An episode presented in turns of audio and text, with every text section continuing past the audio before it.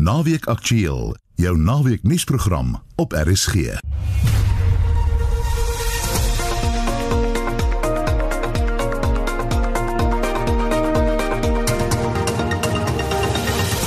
Goeiemiddag in die volgende uur. Verbruikers se aanlyn kooppatrone het sedert die COVID-19 pandemie heeltemal verander. Die Landbou Navorsingsraad sê die perspompom-plant is 'n groot bedreiging vir die natuurlike habitat in Suid-Afrika.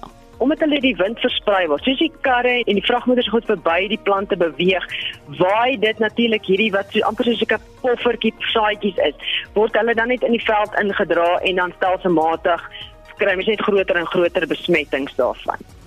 En 'n moontlike brandstofprysverhoging in Februarie. Die redakteur vandag, Jean Esterhuizen, produksieregisseur Lewona Bekes. Ek is Marieta Kreer, welkom by ons program.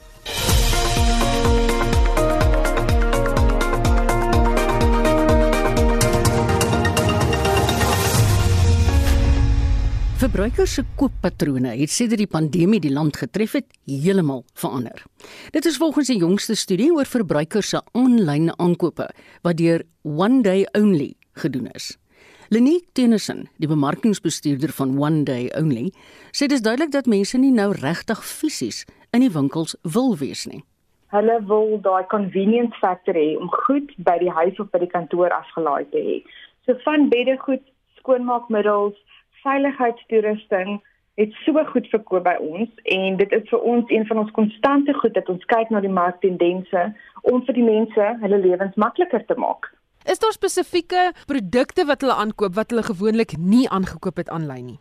Ons het gesien daai definitief groei gekom van sekere produkkategorieë.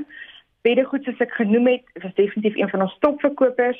Ook nou gedurende die alkohol ehm um, limite, bestel die mense nog steeds om die lokale markte te ondersteun. Ons sien dit kom nog steeds in as ons Woensdae en Vrydag dit op die webtuiste het. Hulle koop verskriklik baie skoonmaakmiddels, vitamiene en ook om hulle lewenstyl gemakliker tuis te maak, koop hulle dekor, banke, enige iets om daai faktor by die huis in te bring dat hulle 'n winkel toe te gaan nie en hulle spandeer die geld waar hulle dit voorheen sou gebruik het om te gaan uit eet op mooi items verby die huis gebruik. Het julle statistiek oor met byvoorbeeld hoeveel aanlyn aankope en bestellings toegeneem het?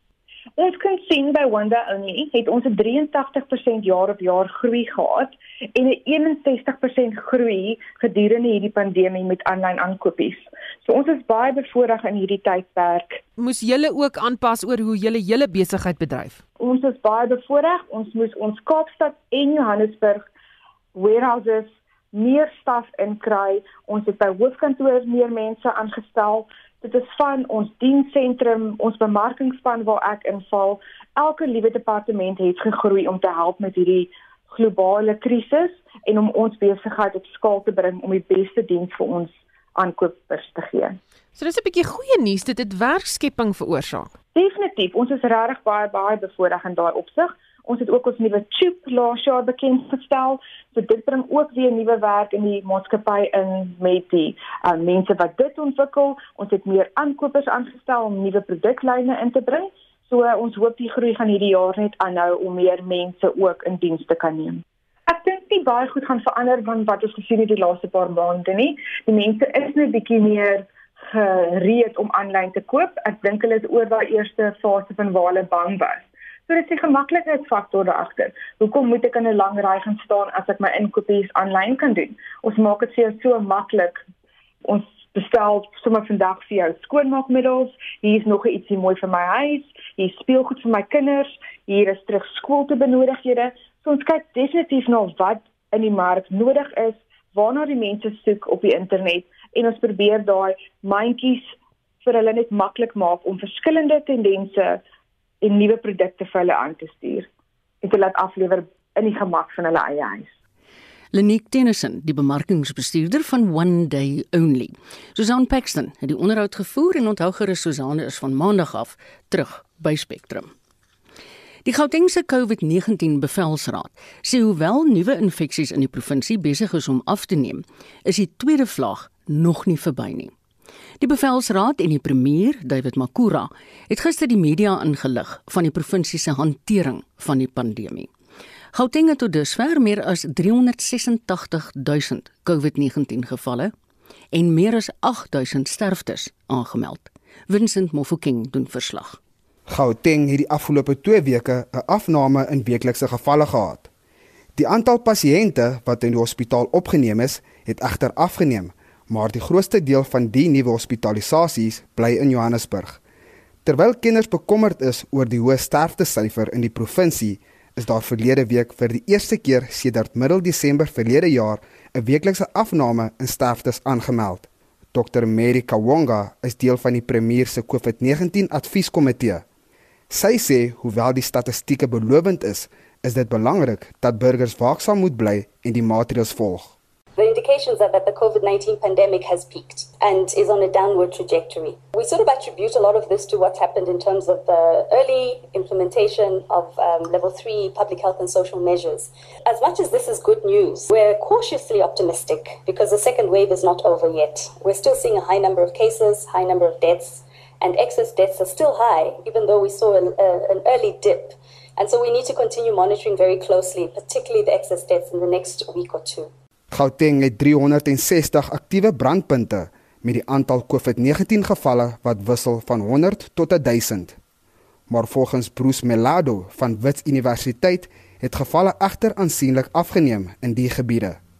Hy is ook 'n lid van die premier se advieskomitee. What's happened in the past two weeks is that not only is the number of hotspots stabilized, but also their severity, which is extremely important to guide policymakers and the population to understand how serious the hotspots are. That every uh, district right now still has a relatively high uh, risk index above 10. We define manageable probability for a third surge to be below 10, and we are still not there yet. Suid-Afrika sal maandag 1,5 miljoen dosisse van die AstraZeneca-enstof van die Serum Instituut in Indië ontvang. Die waarnemende hoof van die Departement vir Gesondheid in Gauteng, Lesiba Malotana, sê die eerste fase van die inentingsprogram sal op gesondheidswerkers fokus. In terms of identifying the sites, we've got over 700 sites that are currently registered with National Department of Health as vaccination sites for phase one and for phase two and three. We, we already have 2,000 identified sites. Phase one, the frontline workers and across all. And when I say all, that means across all levels. Of course, immediately once that population is covered, uh, we cannot get herd immunity by, by just doing uh, health workers. So the next two phases will then be phase two, which will be the biggest exercise, of course. That will be essential workers. And then the phase three at the population level B. Die Gautengse regering beoog om in die komende maande altesaam 10,5 miljoen mense in te ent. Die verslag van Prabashni Moodley, ek as Vincent Mofokeng vir SAK nuus. Die perspompom-plant wat mense oral in die veld en langs paaie sien, is 'n groot bedreiging vir ons natuurlike habitat in Suid-Afrika. 'n Navorser by die Landbou Navorsingsraad se onkruidafdeling in Pretoria, Lia May van der Westhuizen, sê die plant het geen natuurlike vyande in ons ekosisteem nie, so dit plant ongehinderd voort. 'n redelike groot probleem. Die verspreiding is redelik wyd. Die hele Gauteng, Noordwes, Limpopo, Mpumalanga en KwaZulu-Natal ook. En selfs in die Wes-Kaap het ons 'n paar kolle en lokaliteite wat aangemeld is wat dit is. So dis regtig wyd versprei veral in ons grasvelde en ons vlei lande. Dalk 'n bietjie agtergrond oor hierdie plant. Wat is dit? Waar kom dit vandaan en miskien hoe lyk dit? Die oorsprong van die plant is eintlik Suid- en Sentraal-Amerika. So dis half so Argentinië, Brasilië, Uruguay, Paraguay omgewing. En ons is nie presies seker hoe dit die land ingekom het nie. Gewoonlik is dit maar iemand wat die blommetjies sien en besluit dit lyk mooi en hom inbring. So die eerste rekord is eintlik maar in so in die Durban omgewing in die 1960s wat hulle hom gesien het. En toe in die vroeë 70s weer hier in Pretoria by die fonteine rond. En die plant was eintlik slymerend vir omtrent 30 jaar en toe die laaste dekade het hulle getal omtrent heeltemal verdubbel. Nou die plant is eintlik maar meeste van die tyd onopsigtelik. Mense hom nie regtig sien nie behalwe as hy die pragtige pink blomme begin uitstoot hier van tussen Desember en Maart maand. Dan word baie opsigtelik en dan raak mense eintlik meer bewus van die plant en van die groot infestasies, maar nie almal is bewus van die feit dat dit 'n indringer is nie en vir baie mense is is dit regtig 'n baie mooi plant. So plant self het het verskriklik baie saad wat hy maak. So die probleem is dat die saadjies is word op deur die wind versprei. En tot soveel as 800 miljoen sade kan per hektaar dan geproduseer word. So dit is verskriklik baie saad wat die plant maak. En dan op die einde is dit mens met so iets soos 270000 volwasse plante per hektaar wat eintlik net vir jou sê hoe groot probleem dit regtig is.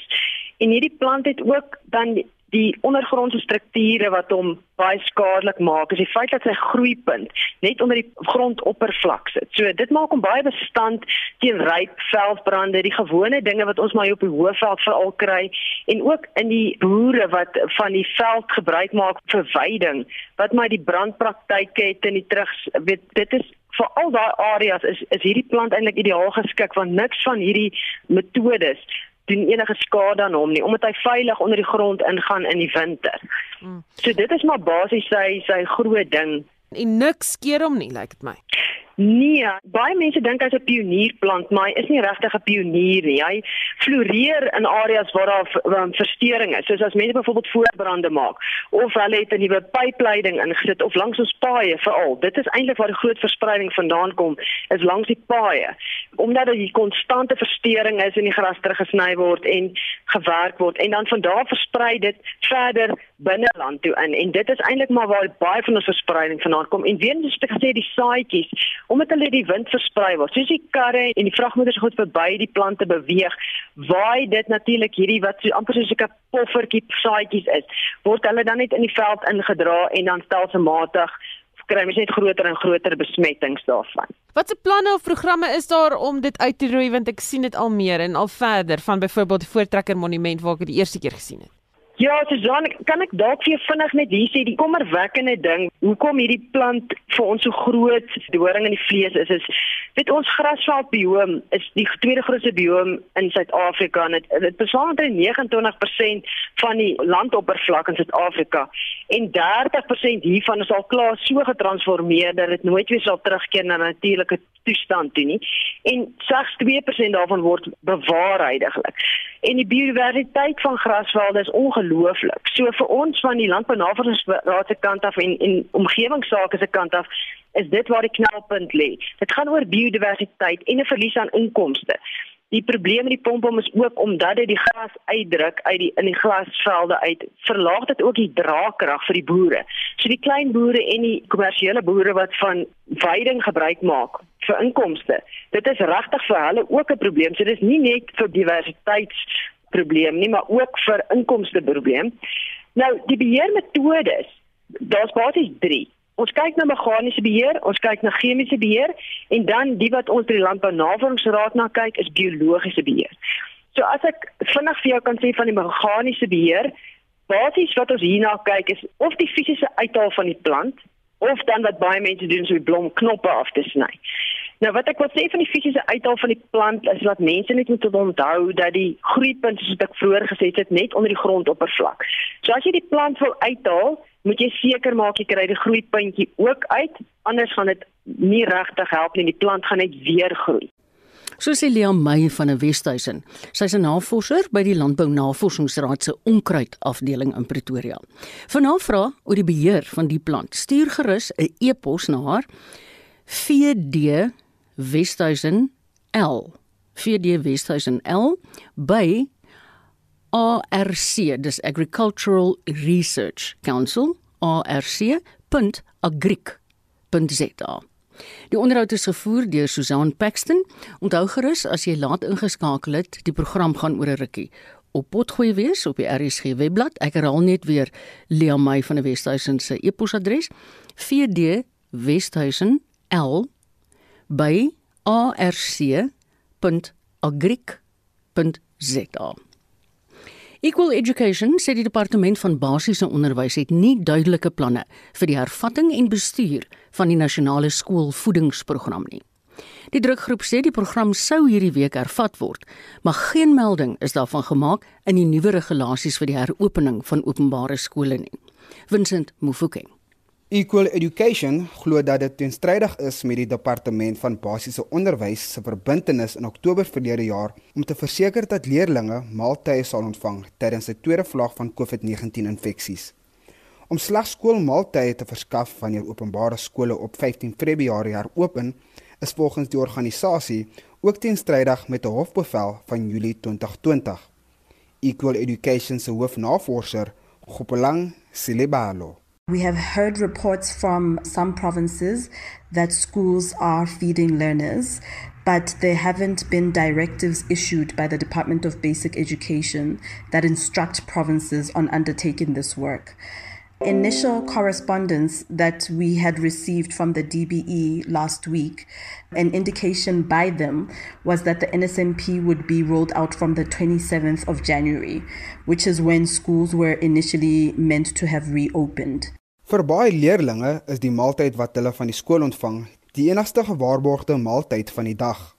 Silibalo sê met die heropening van skole op 15 Februarie is dit vir sekere leerders 8 weke sonder voedsame maaltye. The court judgment ordered that the department and provincial education departments ensure that learners, whether at home or at school, are able to access school meals. And we need to take into consideration that schools have been closed since the 15th of December. And under normal circumstances, in a time before COVID, learners would have been back in the classroom by early to mid January. Die departement van basiese onderwys ontken egter 'n hofaksie deur Equal Education wat hulle daartoe verbind om met die skoolvoedingsprogram voort te gaan terwyl skole gesluit is. Die departement se woordvoerder, Elijah Mhlanga, sê daar is twee provinsies wat reeds begin het om maaltye aan leerders te verskaf. Learners are being given their food parcels in Limpopo for example and in the northwest the school feeding is there but here is the other problem if it's only school management teams in school who is going to manage the feeding of learners in provinces? The department has never had infrastructure to provide learners their meals without people in school. In fact the fact that we asked school management teams to go back to school was for that reason for them to arrange for the provision of the meals to learners. Dit was die departement van basiese onderwys se woordvoerder Elijah Mhlanga. Vincent Mufokeng. Esai Garnis. Die Suid-Afrikaanse Erfenishulpbron Agentskap wil 10 kramats in Kaapstad, bekend as die Sirkel van Islam, as nasionale erfenisterrein verklaar. 'n Kramat is 'n graf waar heilige en geestelike leiers van Islam te ruste gelê is. 'n Navorser by die Cape Family Research Forum, Ibrahim Roda, sê die Kramats verteenwoordig die stigting van Islam in Suid-Afrika. Jy kry dit ook in Indonesië en ook in Indië en in baie van die moslimlande in die Midde-Ooste. So eintlik is dit net 'n graf waarder sou dit wees die graf wat binne 'n klein gebouetjie is. Hulle noem dit ook 'n mazar. Daarom so vroeg as 1982 hier in die Kaap het die Mazar Society hulle self gestig vir die behoud van hierdie plekke, van hierdie grafte van die geestelike leerders wat verban was uit die ooste deur die VOC na die Kaap. En hoe lyk dit binne in hierdie graf? Jy sê nou dit is 'n gebou of 'n ja. klein gebou. Normaal meer binne in die weg is daar 'n mooi versierde graf met mooi eystertralies rondom in in die meeste gevalle. En dan jaarliks word daar so 'n bedspread oor hierdie graf gesit En die graf wat in die owe is, het hulle jaarliks 'n soort van 'n calico laken oor die graf gesit. Eintlik toe uh, Patrick Griffith die Katolieke hoof hier in Suid-Afrika kom hier in 1838.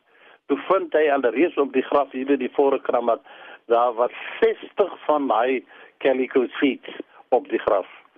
Nou wat sê dit vir jou as hulle jare gedoen het, dan wys dit vir hoe lank besoek moslems al hierdie graf van sig hier vir hier die kramat. En hoekom word dit dan nou juis gedoen hierdie laken wat oorgegooi word? Eintlik is dit maar net 'n tradisie om daai man te vereer vir die feit dat hy Islam kom vestig het in hierdie ons beskou hierdie een in die kramat as die stigter van Islam. Maar ons moet erken daar was heelwat bandelinge voor hom selfs so vroeg as 1667. Hy het maar hier in 1694 hier was hy hier in verband. Maar in 1667 is al reeds mense op Robben Eiland aan die tronk geplaas daar en daar's 'n graf daar op Robben Eiland ook en natuurlik in Constantie. So en voor sig Josef hier in 1680 was daar heel wat koninglikes ook verban. Mense wie hulle verset het teen die oorheersing van die Nederlanders eh, wat die monopolie van die speserye te uh, handeling wil wil beheer het. En so het baie van die moslems in daai eilande, veral in die Moluccas, dis in die ooste deel van die Oos-Indiese uh, eilande, wat hulle verset het teen die Hollandse oorheersing. En as gevolg van dit, omdat hulle die kommersiële belange van die visie uh, in gevaar gestel het, as hierdie mense verban. Eintlik tussen 1652 en 1795 was daar meer as 200 van politieke bandelinge na die Kaapkolonie gestuur. Nou wie kan hierdie kramat besoek as dit net mense van die moslim geloof? Nee, nee, nee. So vroeg as 200 en, uh, 2015 werk ek 'n noue samewerking met die Shah Mohammed Kramat Trust. Van hierdie uh, kramat, die meeste word twee van hulle word besit deur private eienaars. Dis dis twee trust, die Shah Mohammed Trust. Dis die ene in Constantia en die ene hier by Fore die ene van Sheikh Yusuf. As gevolg van die COVID-19 is hy nou gesluit. En sy kan nie daar kom nie want dit is 'n gevaar. Maar die terrein homself is oop, jy kan nou al die terrein besoek, maar nie eintlik binne die graf gaan nie, die grafkelder nie. Die ander is almal oop vir enigiemand om te besoek. En wat ons nou gedoen het hier onder die leiding van professor Fadil Esop van Stellenbosch Universiteit. Hy is die direkte afstammeling van Shah Mohammed die hele tombe kom herbou in 1921. Hy is een van die trustees en as gevolg van hom was daar heel wat verbeteringe aangebring by beide die ene in Constantie en ook hier die ene in Fore. Maar die ander word privaat onderhou deur die Masano. Dis die wet van die Mazar Society. Hulle was gestig in 1982. Hulle het toe gevind dat baie van hierdie grafte was verlate en dit was dilapidated. Nou daar is sekere van hierdie kramats wat as erfenisgebiede kan verklaar word in die toekoms deur die Suid-Afrikaanse Erfenishulpbron Agentskap. Nou hulle noem hierdie eerste 10 die sirkel van Islam. Hoekom word dit so genoem? Kyk as jy nou geografiese sirkel moet trek vanaf Robben Eiland, dan beweeg jy oor na Kampsbaai se kant waar een van hulle ook lê daar in Oudekraal en dan kom jy reg om na Meisenberg se kant toe reg. Die sirkel vir twee dan eintlik kom tot by oor oor signal eintlik gaan jy ook. Jy kom reg om na Simonstad toe en van Simonstad kom jy dan na Sandfleet en as jy weer terug gaan na Robbeneiland jy die sirkel vir twee. Nou hierdie mense was afgesonder.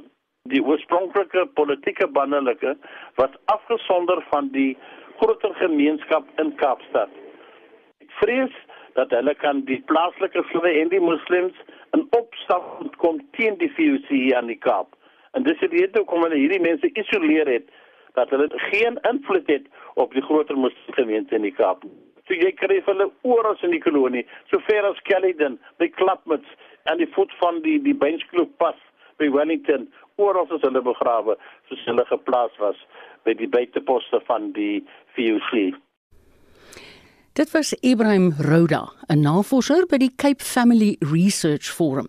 Jean Esterhuizen wat vandag ons redakteur is, het hierdie onderhoud met hom gevoer. Die Automobielassosiasie of AA waarsku dat daar weer 'n brandstofprysverhoging in Februarie gaan wees. Vir die jongste oor die voorspellings praat ons met Dr. Chris Harmse. Chris is 'n ekonom van CH Economics. Goeiemôre Chris. Môre Marita. Hoe lyk die statistiek tans van die sentrale energiefonds wat betref brandstofpryse? Is nie goed nie. Ek daal nog van tyd.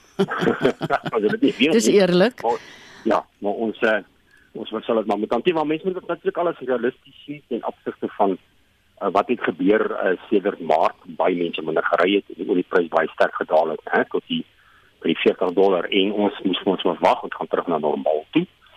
Op hierdie stadium Hallo Chris. Goed, dit lyk vir my daar is môre meer as net een voeltjie op Chris se lyn. Ons het vir Chris terug op die lyn. Kom ons gaan voort. Chris, jy was besig om te antwoord oor die energiefonds. Marita, ja, dankie. Dit is sommer dood. Moet ek maar sê eis. ja, so sien die vorige vasterm op 31 Desember. Mm. Ehm um, waar ek dink omtrent omtrent 50 sent meer betaal het uh per liter het die verhoging in die olieprys internasionaal gemiddeld sedert daai tyd wat nou die bo die 55 dollar is veroorsaak dat ons op petrol nou so 76 sent ehm um, onderverhaal is en ook gegee dat die wisselkoers uh verswak het van ongeveer R14.60 op 31 Desember tot die huidige omtrent R15, mm. R15.2. Mm. Uh inteendeel hulle het hom gister bereken op R15.36, ja. baie volatiel. Ja. Dit is so 5 sente liter uh, onderverhaal. Wat ons is dit as ons bymekaar tel is ons so maak dit 82 sent op petrol onderverhaal uh en op diesel so 58 sent. Dit is wat nou, ons gister in die nuusbulletin ook gehad het, so jy dink dit is die finale syfers daar is nog dis dis die finale syfer. Ek dink nie ons sal uh, hulle gaan werklik hulle gaan werklik werk op gister se pryse. Uh, as ons Jan kon nog gaan kry want ek bedoel ons sal nou met uh, weer begin pap betaal Woensdag. Hmm. So ek het vermoed ons voor die naweek die aankondiging kry. Ek dink dis die finale syfer. So alhoewel 58 sent op diesel en ehm um, natuurlik so 82 sent uh, op petrol. Maar mens moet natuurlik hierdie ding uh, realisties op twee vlakke beskou. Mhm. Uh, nommer 1 moet 'n mens gaan kyk wat het jy 'n jaar gelede betaal? Uh, en ek het net vanoggend gekyk, ons het 'n jaar gelede betaal uh, R16.3 in die begin van Februarie vir 'n liter petrol in Gauteng.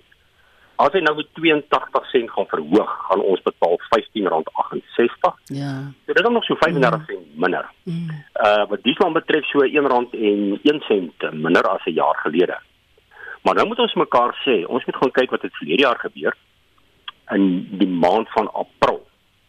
In die maand van April vir jaar het ons 'n baie sterk daling gehad in die uh, petrol en die dieselprys terug daarna vlakke van R13.96 vir petrol en so um, R12.69 vir diesel. Maar Brent het gaan draai by hierdie jaar gebeur nie. Brent het gaan draai by hier in die 20 dollar. Ja, Brent het gebrent het gaan draai by 24. Nou ja. sit ons met 'n Brent dubbel daai prys. Ja.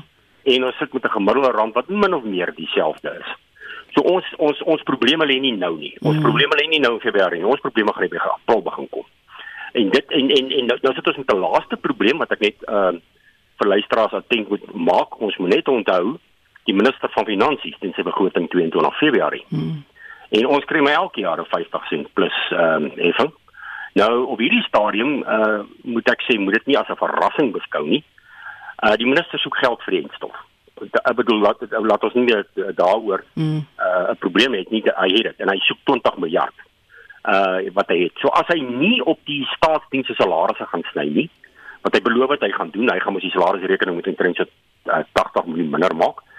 As hy dit nie gaan doen nie en hy gaan ook nie die staatsdiens verhogings vries nie. Uh en hy gaan ook nie toegee aan die staatsondernemings wat waarskynlik weer 'n verdere 20 30 miljard gaan vereis. Dis natuurlik die Eskom, die SAL, die Landbank ensovoorts. As hy dit nie gaan doen nie, beteken dit hy het nie keuse nie. Hy gaan iewers moet geld kry. Uh en want ek noem dit COVID begroting hierdie jaar. en uh met ander woorde wat wat bly vir hom oor? Bly vir hom die petrolheffing, uh die BTW en natuurlik dan inkomstebelasting. So ons is baie bekommerd daaroor dat ons 'n baie sterk stygings gaan kry in die petrolheffing nou met die begroting. Uh en uh, ons moet kyk hoe hierdie minister dit gaan doen. Ek is net bly ek sien hy. Ja, dit kan jy wel eens waar weer sê. Ek moet toe sê die arme verbruiker is so fuisfoos. Ja. Nou, maar in die middel jy jy voel dit ook, ons voel dit almal. Maar nou ja, mens moet maar werk aan jou sin vir humor in hierdie tye. Baie dankie Chris. Dit was die hoofekonoom van CH Economics, Dr. Chris Harmse. Jong, dis darm naweek. En as dit naweek is, is sport gelukkig weer in volle swang. Pieter van der Berg sit gereed met meer inligting. Middag Pieter. Middag sê Marita, ek wonder of die die prys vir opwinding op die sportveld ook gaan opgaan soos die petrolprys. Ai wie, ek kry dit so jammer. Ek het nou gisterand na ons vroue cricketspan die Proteas gekyk. Uh, dit is so raar dat daar net eenvoudig die toeskouers is nie, maar goed, kom ons begin voor. Ons gaan oor 'n paar uur weet wie die nuwe Karibeker kampioene is. Mm. En ek moet sê Pieter, mens voel nogal die opwinding aan die opbou, né? Ja nee, daai opwinding is daar. Mens kan maar oor al die jare die Karibeker altyd jy het net daai mystiek rondom hom en natuurlik gaan daar nuwe kampioene gekroon word. Die Vrystaat, hulle is die huidige kampioene, maar hulle het natuurlik nie die halfyn gehaal nie en met, met ander woorde uh, logies gesproke is hulle ook nie in die eindstryd nie. Dis vanmiddag op Wolfs Versveld en as die bulle en die haie uitmekaar gaan pak Marietta en daardie afskop is om 3 uur. Johan Rademan, hy sal volledige en regstreekse kommentaar doen van die wedstryd. Natuurlik die ander groot vraag is met hierdie laaste paar dae se reën, ehm um, is jy weet hoe gaan die omstandighede wees ja. en wat is van gaan dit die beste gebruik. Ja, ons so moet sien die twee loskakels gaan weer eens 'n groot rol speel. Jaco Piper, hy is vanmiddag die uh, skeieregter. Nou, hy word, word bygestaan deur AJ Jacobs en Griffin Colby en Marius van der Westhuizen en hy sal daar voor die TV wees om te kyk as daar enige beslissings nodig is van sy kant af. Nou net om vinnig op te som, verlede week is dit die Bulle wat die Lions met 26-21 getop het in die eerste half eind en uh, die span nuus daar in die Bilkamp is dat daar net een verandering aan die beginspan gemaak is. Jan Grobler, hy sal op hakker uitdraf en dan skalk Erasmus, hy sal op die bank wees as hakker.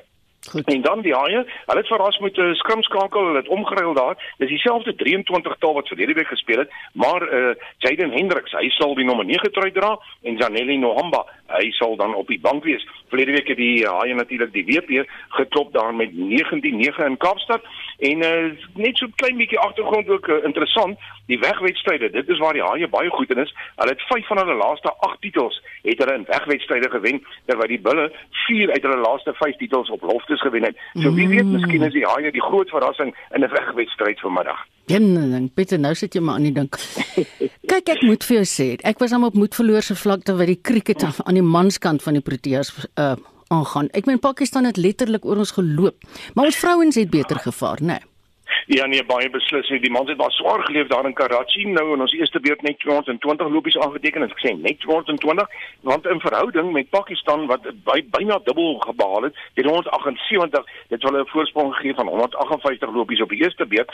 Nou uh, dit was gister dag 4 gewees en dis Suid-Afrika wat hulle in die tweede beurt uitgebou is vir 245. So bietjie meer as in die eerste beurt maar nog steeds nie genoeg nie. Aiden Maker om 74 bygedra, Rassie van der Dussen uit 64 lopies behaal en dan moes Pakistan net 88 aanteken in hulle tweede beurt vir 'n oorwinning en hulle het dit gedoen 90 vir 3. Dit gee aan hulle 'n sewe paadjie oorwinning. Ja. Nou as jy weet dis baie moeilik daar in die sogenaamde subkontinent en ehm um, die besoekende spanne sukkel altyd, maar kom ons vertrou, die 4de Februarie, eerskomende week, begin die tweede toets en dit lyk vir my of die beseerde spelers gereed is om hulle plekke in te neem en ons vertrou dat ons uh, kolwers veral beter sal vaar.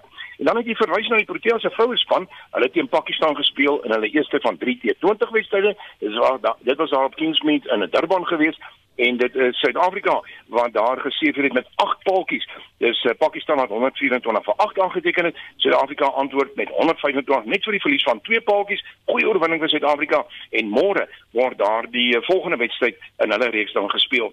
Dan in die momentum eendag reeks is dit uh, die aksie wat in Potchefstroom aan die gang is. Nou eh, gister het die Lions en die Cape Cobras mekaar die stryd aangesê en dis die Cape Cobras wat daar met 76 lopies gewen het, maar die uh, Lions hulle het reeds hulle plek in die halfyn bespreek. Vandag speel die Cape Cobras teen die Warriors. Die Warriors kolf eerste daai wedstryd het so 10:00 se kant begin vanoggend en so rukkie gelede was hulle op 143 vir 3 en dit na 31 balbeurte. Pieter gisteroggend in Monitor het jy genoem dat 'n Suid-Afrikaner die voorloper in Europa se golfreeks is. Is dit nog die geval? Ek het vir jou baie goeie nuus. Ja, Brendan Stone is 'n gesamentlike voorloper. Hy was nie gister die speler wat voor was nie, maar hy het so 'n bietjie wat gelede, die derde ronde is reeds aan die gang, het hy 'n uh, pragtige uh, voetjie aangeteken. Hy's op 1100 saam met Thomas Dietrich en uh, Paul Casey wat ook op 1100 is. Justin Harding in die sewende plek ook goed geplaas. Hy's op 800, Lee Westwood ook dan op 800 en ek sien Justin Walters, hy het vandag 'n 69 gespeel. Hy is op 500 syfer. So daar's drie Suid-Afrikaners want daar uh, in in die Europese toernooi in die uh, dis die Omega Dubai Desert Classic wat uh, onder die voorlopers is. Dan in die FSA is dit die PGA Tour se Farmers Insurance Open wat gespeel word. En nou, na ronde 2 is dit Victor Hovland wat die voorloper is met een huis op 900, Jon Rahm en Adam Scott as ook Tony Finau, klomp groot name, uh, Patrick Reed, hulle is almal daar op 800. Die Suid-Afrikaner, Charles Swartsel, hy is 40ste op 200 en Dylan Fratelli, hy is 54ste, hy is op 1 onder syfer op die oomblik Marita. Kyk as ons ons sportprentjie volledig wil inkleer, dan dink ek mense moet noodwendig praat oor daai groot sokker derby wat vandag gebeur. Ai ai ai, praat jy dan nou kom ons loer na gisterand se uitslag in die DStv se plaaslike Premierliga, Amazulu het vir Stellenbosch geklop met 2-1. Vandag is daar 'n hele rits wedstryde. Nou jy verwys natuurlik na half 4 se wedstryd Orlando Pirates teen Kaizer Chiefs en dan Black Leopards, hulle kom te staan teen Galaxy om 5uur, SuperSport United teen Swallows ook om 5uur. Die ander twee wedstryde Golden, Golden Arrows teen Maritzburg United en Bloemfontein, hulle draf uit teen Tacoma. En dan uh, moet ons ook 'n draai maak net daar by die Engelse Premierliga. Daar is nie minder nie as 6 wedstryde: Everton teen Newcastle United, West Bromwich Albion teen Fulham, Man City, hulle kom te staan teen Sheffield United, Crystal Palace teen Wolverhampton Wanderers, Arsenal, dit is 'n lekker wedstryd teen uh, Manchester United en dan vanaand om 10:00 sluit hulle hulle sake af Southampton teen Aston Villa. Ja, jy het jou werk uitgeknip vir jou vir hierdie naweek. Dankie Pieter, dis Pieter van der Berg van RSG Sport. Nou kom 'n baie interessante bydrae. Volgens die celluloid ceiling verslag wat verwys na die glasplafon wat vroue in die rolprent en televisiebedryf nie kan verbysteek nie. Is net 11% van alle regisseurs ter wêreld vroue en net 4% is kinematograwe. Dit het navorsers wêreldwyd genoop om te kyk hoe vroue verteenwoordiging in die bedryf uitgebrei kan word. Hierdie naweek vind daar juis 'n konferensie plaas oor die rol van vroue in die rolprent en televisiebedryf in Afrika en die Midde-Ooste. En daar slegs een Suid-Afrikaanse spreker by die konferensie. Julle gaan nie glo nie. Dis ons eie Dr. Anne-Marie Jansen van Vuren. Anne-Marie werk nie net hier by ons nie, sy is ook 'n deeltydse dosent by die rolprent produksiekursus van die Kunstefakulteit by die Tshwane Universiteit van Tegnologie. Hallo Anne-Marie. Hallo Marietta. Watter tipe onderwerpe is die naweek by die konferensie bespreek? Soos jy nou net gesê, die konferensie is eintlik 'n uitvloeisel van 'n groot navorsingsprojek waarin navorsers gekyk het na die rol wat vroue speel in die filmbedrywe van Afrika en die Midde-Ooste. Nou as deel hiervan moes elke navorser data versamel oor die ervaring van vroue in hulle land se audiovisuele bedryf, mm -hmm. wat hulle uitdagings is, watter temas hulle in hulle rolprente, televisie reekse fokus en watter prominente vroue rolprentmakers uitstaan. En nou waaroor het jou studie spesifiek gegaan? Ek het geskryf oor regisseur Katinka Heinz wat deur baie akademici en filmhistorici as die suksesvolste en bekendste Suid-Afrikaanse vroue regisseur beskou word. Nou sy het begin werk in die laat 60er, 7 begin 70er jare. Toe Suid-Afrika se rolprentbedryf nog 'n baie patriargale, mansgedomeineerde wêreld was, net soos ons samelewing. Daarom skryf sy haar sukses deels toe aan die mans wat haar mentors was en haar gereeld van rolprent maak en storie vertel, soos Jans Rautenbach, Koos Roots en Chris Barnard. Ons het daarom nou vir Renay van Rooyen ook, dankie tog. Het Katinka enige vroue mentors gehad? Ja, haar groot mentor was Trida Lou. Interessant genoeg, jy praat nou net van Renay van Rooyen. Trida Lou was ook 'n mentor vir ja. Renay van Rooyen. Uh. Nou Trida Lou was een van Katinka se drama dosente by die Universiteit van Pretoria gewees. En sy was ook die eerste Suid-Afrikaanse regisseur, vroue regisseur om ooit 'n vollengte rolprent te maak. Nou dit was Man in die donker in 1962 opgevolg deur Huisophoorings in 1963. Nou maar het ongelukkig in Suid-Afrika se subsidiesisteem die jaar daarna in 1964 verander om kommersiële rolprente te bevoordeel. Mm. Nou dit het Lou en haar twee vroue vennote nie aangestaan nie omdat hulle eintlik die kamera wou gebruik om te eksperimenteer en kunsinnige stories te vertel. Hoe lyk die speelveld vir vroue regisseurs in Suid-Afrika van destyds tot nou, Anna Marie? As ons kyk na 1974, het ons 'n interessante voorbeeld, want toe die lede uit die plaaslike rolprentbedryf besluit om die Suid-Afrikaanse Film en Televisie Tegnisie Vereniging, oftewel SAFTA te stig. Nou hierdie organisasie het in daardie jaar geen vrouelede gehad nie wat daarop dui dat die vroue meer in rolle was soos aktrise of grimering en garderobe eerder as die sogenaamde tegniese rolle opstel. Mm, mm. Nou in 2015 het UCT se Martin Botha 'n boek gepubliseer waarin hy slegs 20 vroue rolprentregisseurs kon identifiseer in vergelyking met meer as 1000 prominente mansrolprentregisseur. Nou, toe ek my studie gedoen het, kon ek slegs 8 vroue regisseurs bytel en dis letterlik van die vroeë 1900s tot in 2020. Hoekom is daar so min vroue in prominente rolle, byvoorbeeld as regisseurs? Nou ons het gister vir ure lank hieroor gedebatteer en daar is nie net een antwoord nie. Dis terwyl daar 'n verskeidenheid faktore Gewoonlik waag befondsers eerder al hand aan projekte met bekende, ervare regisseurs. So as daar meer mans in die geval is, dan hulle statisties eintlik 'n beter Ja, dis waar. En verder is daar ook die ding dat die samelewing vir dekades lank van vroue verwag het om na hul huisgesinne om te sien. So selfs al kon hulle beroep beoefen, kon hulle nie vir weke of maande van die huis af weg wees om 'n rolprent op 'n plek, hulle noem dit 'n location te vervilm nie. Maar die goeie nuus is dat daar al hoe meer vroue regisseurs daar buite is wat sukses in hulle loopbane behaal. Hoe meer en hoe meer van hulle is, hoe meer kan hulle weer ander vroue inspireer. Jy het nou net gepraat van Renée van Rooyen, Meg Richards en Anneke Skutte is ook ander twee suksesvolle vroue Suid-Afrikaanse regisseurs.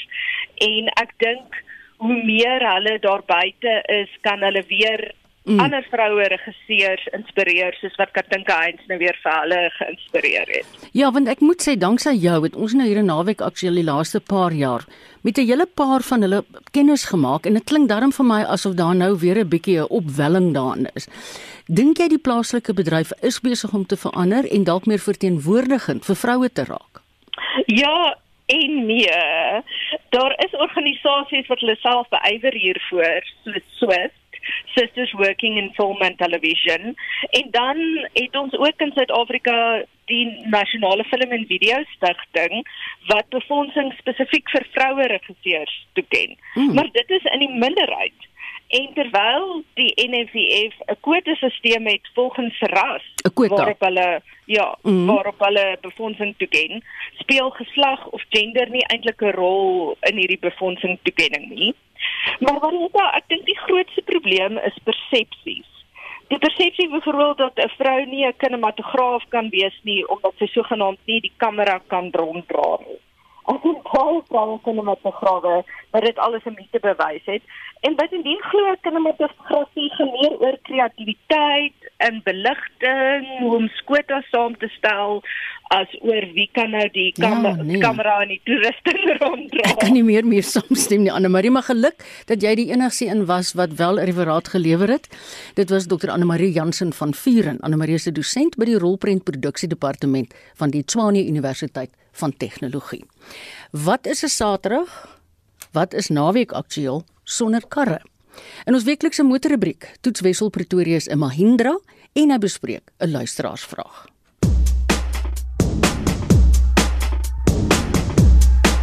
Mahindra het verlede maand nie minder nie as 370 van sy pick-up bakkies verkoop wat hom plaaslik die 6de beste bakkieverkoper gemaak het. Wat verkope help is die groot reeks beskikbaar, enkel of dubbelkajuit, agterwiel of vierwielaandrywing, werkesel of luxer variante en nou is daar ook outomatiese modelle. Ek het die top dubbelkajuit model gery, die S11 Karoo 4x4 outomaties. Die Karoo kom met spesiale alloy wiele en dan 'n netjiese rolstaaf agter, 'n bosbreker voor met voor en agter 'n aluminium plaat wat vir jou sê hierdie is die Karoo model. En dan 'n baie handige ding. 'n Toeskuifbare aluminium roldeksel wat uh, bo met harde plastiek uitgevoer is. En wanneer die toe is, kan die agterste klap nie oop maak nie. En hierdie rolbedeksel kan ook sluit wat dit onmoontlik maak vir diewe om jou goed wat jy agterin gelaai het by te kom positief is binne. Die sitplekke is baie gerieflik en die twee voorstes het elkeen 'n armrus wat uh, veral vir die langpad lekker is. Gepraat van die langpad, hy het tog beheer, navigasie op die nuwe sentrale skerm en 'n driebeeld. Maar hier is 'n paar eienaardighede en frustrasies. Wanneer jy die bakkie aanskakel of selfs net halfpad aanskakel, hoor jy elke keer die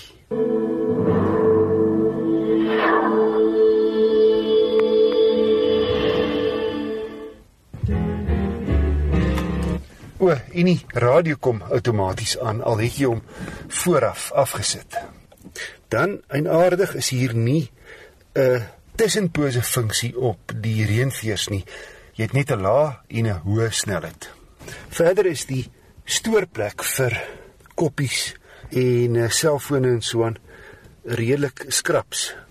En dan ek het op die langpad met my ligte aangery met die uh, hoofligte op sy laagste stelling sodra jou ligte aanskakel word die sentrale skerm skielik donkerder. Seker maar om in die nag dit nie te helder laat skyn nie maar hy word so donker dat jy in die dag sukkel om te lees wat uh, op die skerm staan as jy met jou ligte aanry. Want hy het nie dagry ligte nie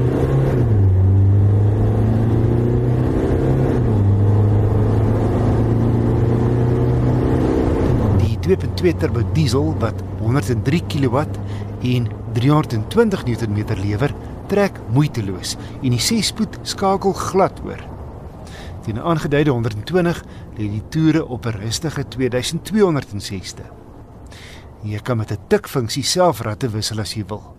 Die sitplek is gerieflik, uit heelwat ruimte binne en sy ritgehalte is nogal heel goed vir 'n voertuig wat ook 'n ton kan dra. Terloops, die laaiarea is met rubber uitgevoer. Die draaisirkel is egter groot wat hom lomp kan maak in nouer spasies. Die viertrekmodel kom ook met 'n laastrekratkas en die agterste ewenaar kan sluit en afdraande beheer is deel van die pakket. Verwag 'n gemiddelde verbruik van so net oor die 9 liter per 100 km. My slotsom, die Mahindra Pickup S11 Karoo 4x4 outomaties, is nie so gesofistikeerd soos nuwer en meer moderne bakkies nie. En die kajuit is nie oral ewe goed uitgelê nie. Maar die topmodel is goed toegerus teen R430 000 en ewe tuis op teer grond en in die veld. Terwyl die outomaties 'n plesier is in rukkerige stadsverkeer. In ag geneem die pick-up Karoo se standaard toerusting gaan jy sowat 'n 100 000 rand meer betaal vir 'n ekwivalente moderner bakkie. 'n 5 jaar 90000 km diensplan kom standaard. Ek het 'n brief ontvang van Fani van Niekerk. Hy het probleme met sy Ford Kuga met 128000 km op die klok se DPF of dan dieselfilter. Hy skryf Ford vra R55000 om dit te vervang. En hy vra wat sy opsies is kan ek dit verwyder vra hy. Ek het Fanie se brief aan Nicolou voorgelê. Hy's 'n tegniese konsultant en die besigheidsontwikkelingsbestuurder by SVU Gepantserde Voertuie. So Fanie praat van daai Kuga en DPF probleme en ek dink ons moet weer net kyk bietjie na die agtergrond en die werking van 'n DPF. Nou 'n DPF staan vir diesel particulate filter. En ehm um, die luisteraars wat buite sal weet as jy nou agter 'n ou vragmotor of 'n bus ry, daai swart wolk wat by sy uitlaatpyp uitkom. Dit is daai koolstofpartikels wat natuurlik ook baie skade kan doen aan die natuur, ook skade aan jou longe kan doen. En dis hoekom die nuwe voertuie van Europa almal kom met hierdie DPF filters of dan nou diesel particulate filters. So wat hierdie filter in die uitlaat doen is hy vang al daai koolstofpartikels op. Ehm uh, wat verbrand word natuurlik in jou verbrandingskamer. En uh die filter raak mettertyd dan nou voller en voller. En hoe die enjin beheer eenheid weet dat hy voller raak is, daar's 'n druksensor oor die DPF wat nou in jou uitlaatstelsel sit en hy vertel vir hom hoe vol is hierdie filter. So as hy nou begin vol raak, dan is daar wat 'n mens noem 'n regenerasie wat kan plaasvind of 'n regeneration. En wat dit beteken is as die filter dan op 'n sekere vlak kom, dan besluit die enjin beheer eenheid goed Dis nou tyd om hierdie filter skoon te brand. Die inspuitstrategie word dan verander sodat hy later inspuit. Die tyd word later gestel op die enjin sodat jy uitlaattemperature kan hoër raak. Nou gewoonlik in 'n diesel enjin kyk jy so hier na 400 450 grade Celsius by jou uitlaat uit. Maar om daai koolstof in daai filter te verbrand, het jy omtrent so 600 grade nodig. So dis wat dan gebeur. So hierdie regenerasie kan dan plaasvind sê sê maar tussen 600 en 1000 km gaan dit nodig wees en dit vat net so 5 of 10 minute om te gebeur. Dan word daai filter skoon gebrand en die proses kan nou weer oorbegin. Nou die probleem is as jy met 'n voertuig ry en jy's heeltyd in stadsverkeer en jy skakel heeltyd aan en af en jy kom by hierdie vlak waar die filter sê hy's vol, hy moet nou regenereer, maar jy gee hom nie tyd nie. Jy heeltyd sit hierdie enjin af en so, dan kry jy nooit kans om daai filter um, skoon te brand nie. Jy gaan 10-1 dan 'n boodskap kry op jou instrumentpaneel wat vir jou gaan sê, dis nou tyd jy bietjie op die snelweg kom, want uh, net om te noem op die snelweg is jou uitlaattemperatuur heelwat hoër dan en dan kry jy sommer ook passiewe regenerasie wat dan daai filter skoon brand en dan dan het jou enjin beheer eenheid ook baie beter kans om daai regenerasie te voltooi.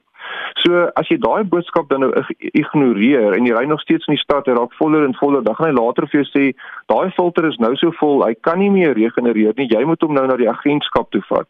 Nou wat die agentskap kan doen is hulle kan hulle toerusting inprop en dan kan hulle daai regenerasieproses beheer in hulle werkswinkel en dis nog redelik veilig. Want onthou jy sit met 'n klomp koolstof daar in 'n filter en jy kan natuurlik dat daar is 'n brandgevaar as dinge verkeerd gaan. So dit kan in die agentskap gedoen word.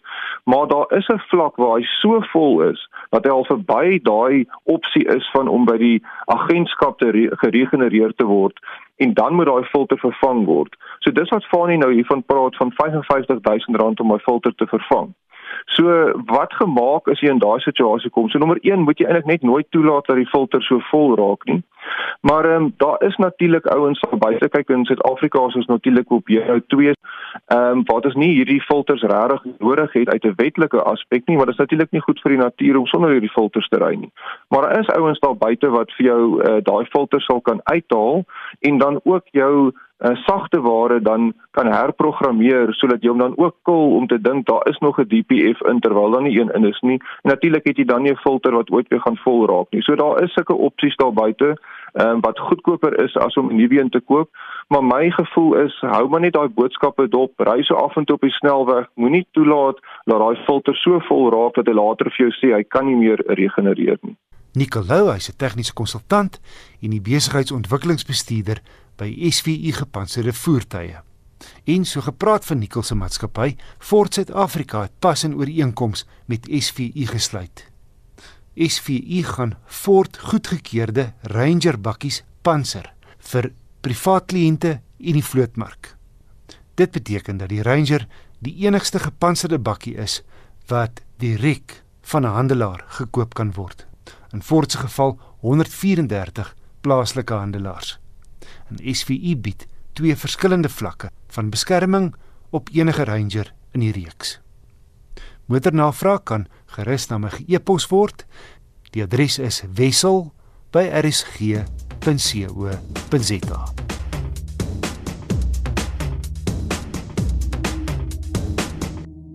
Dankie Wessel.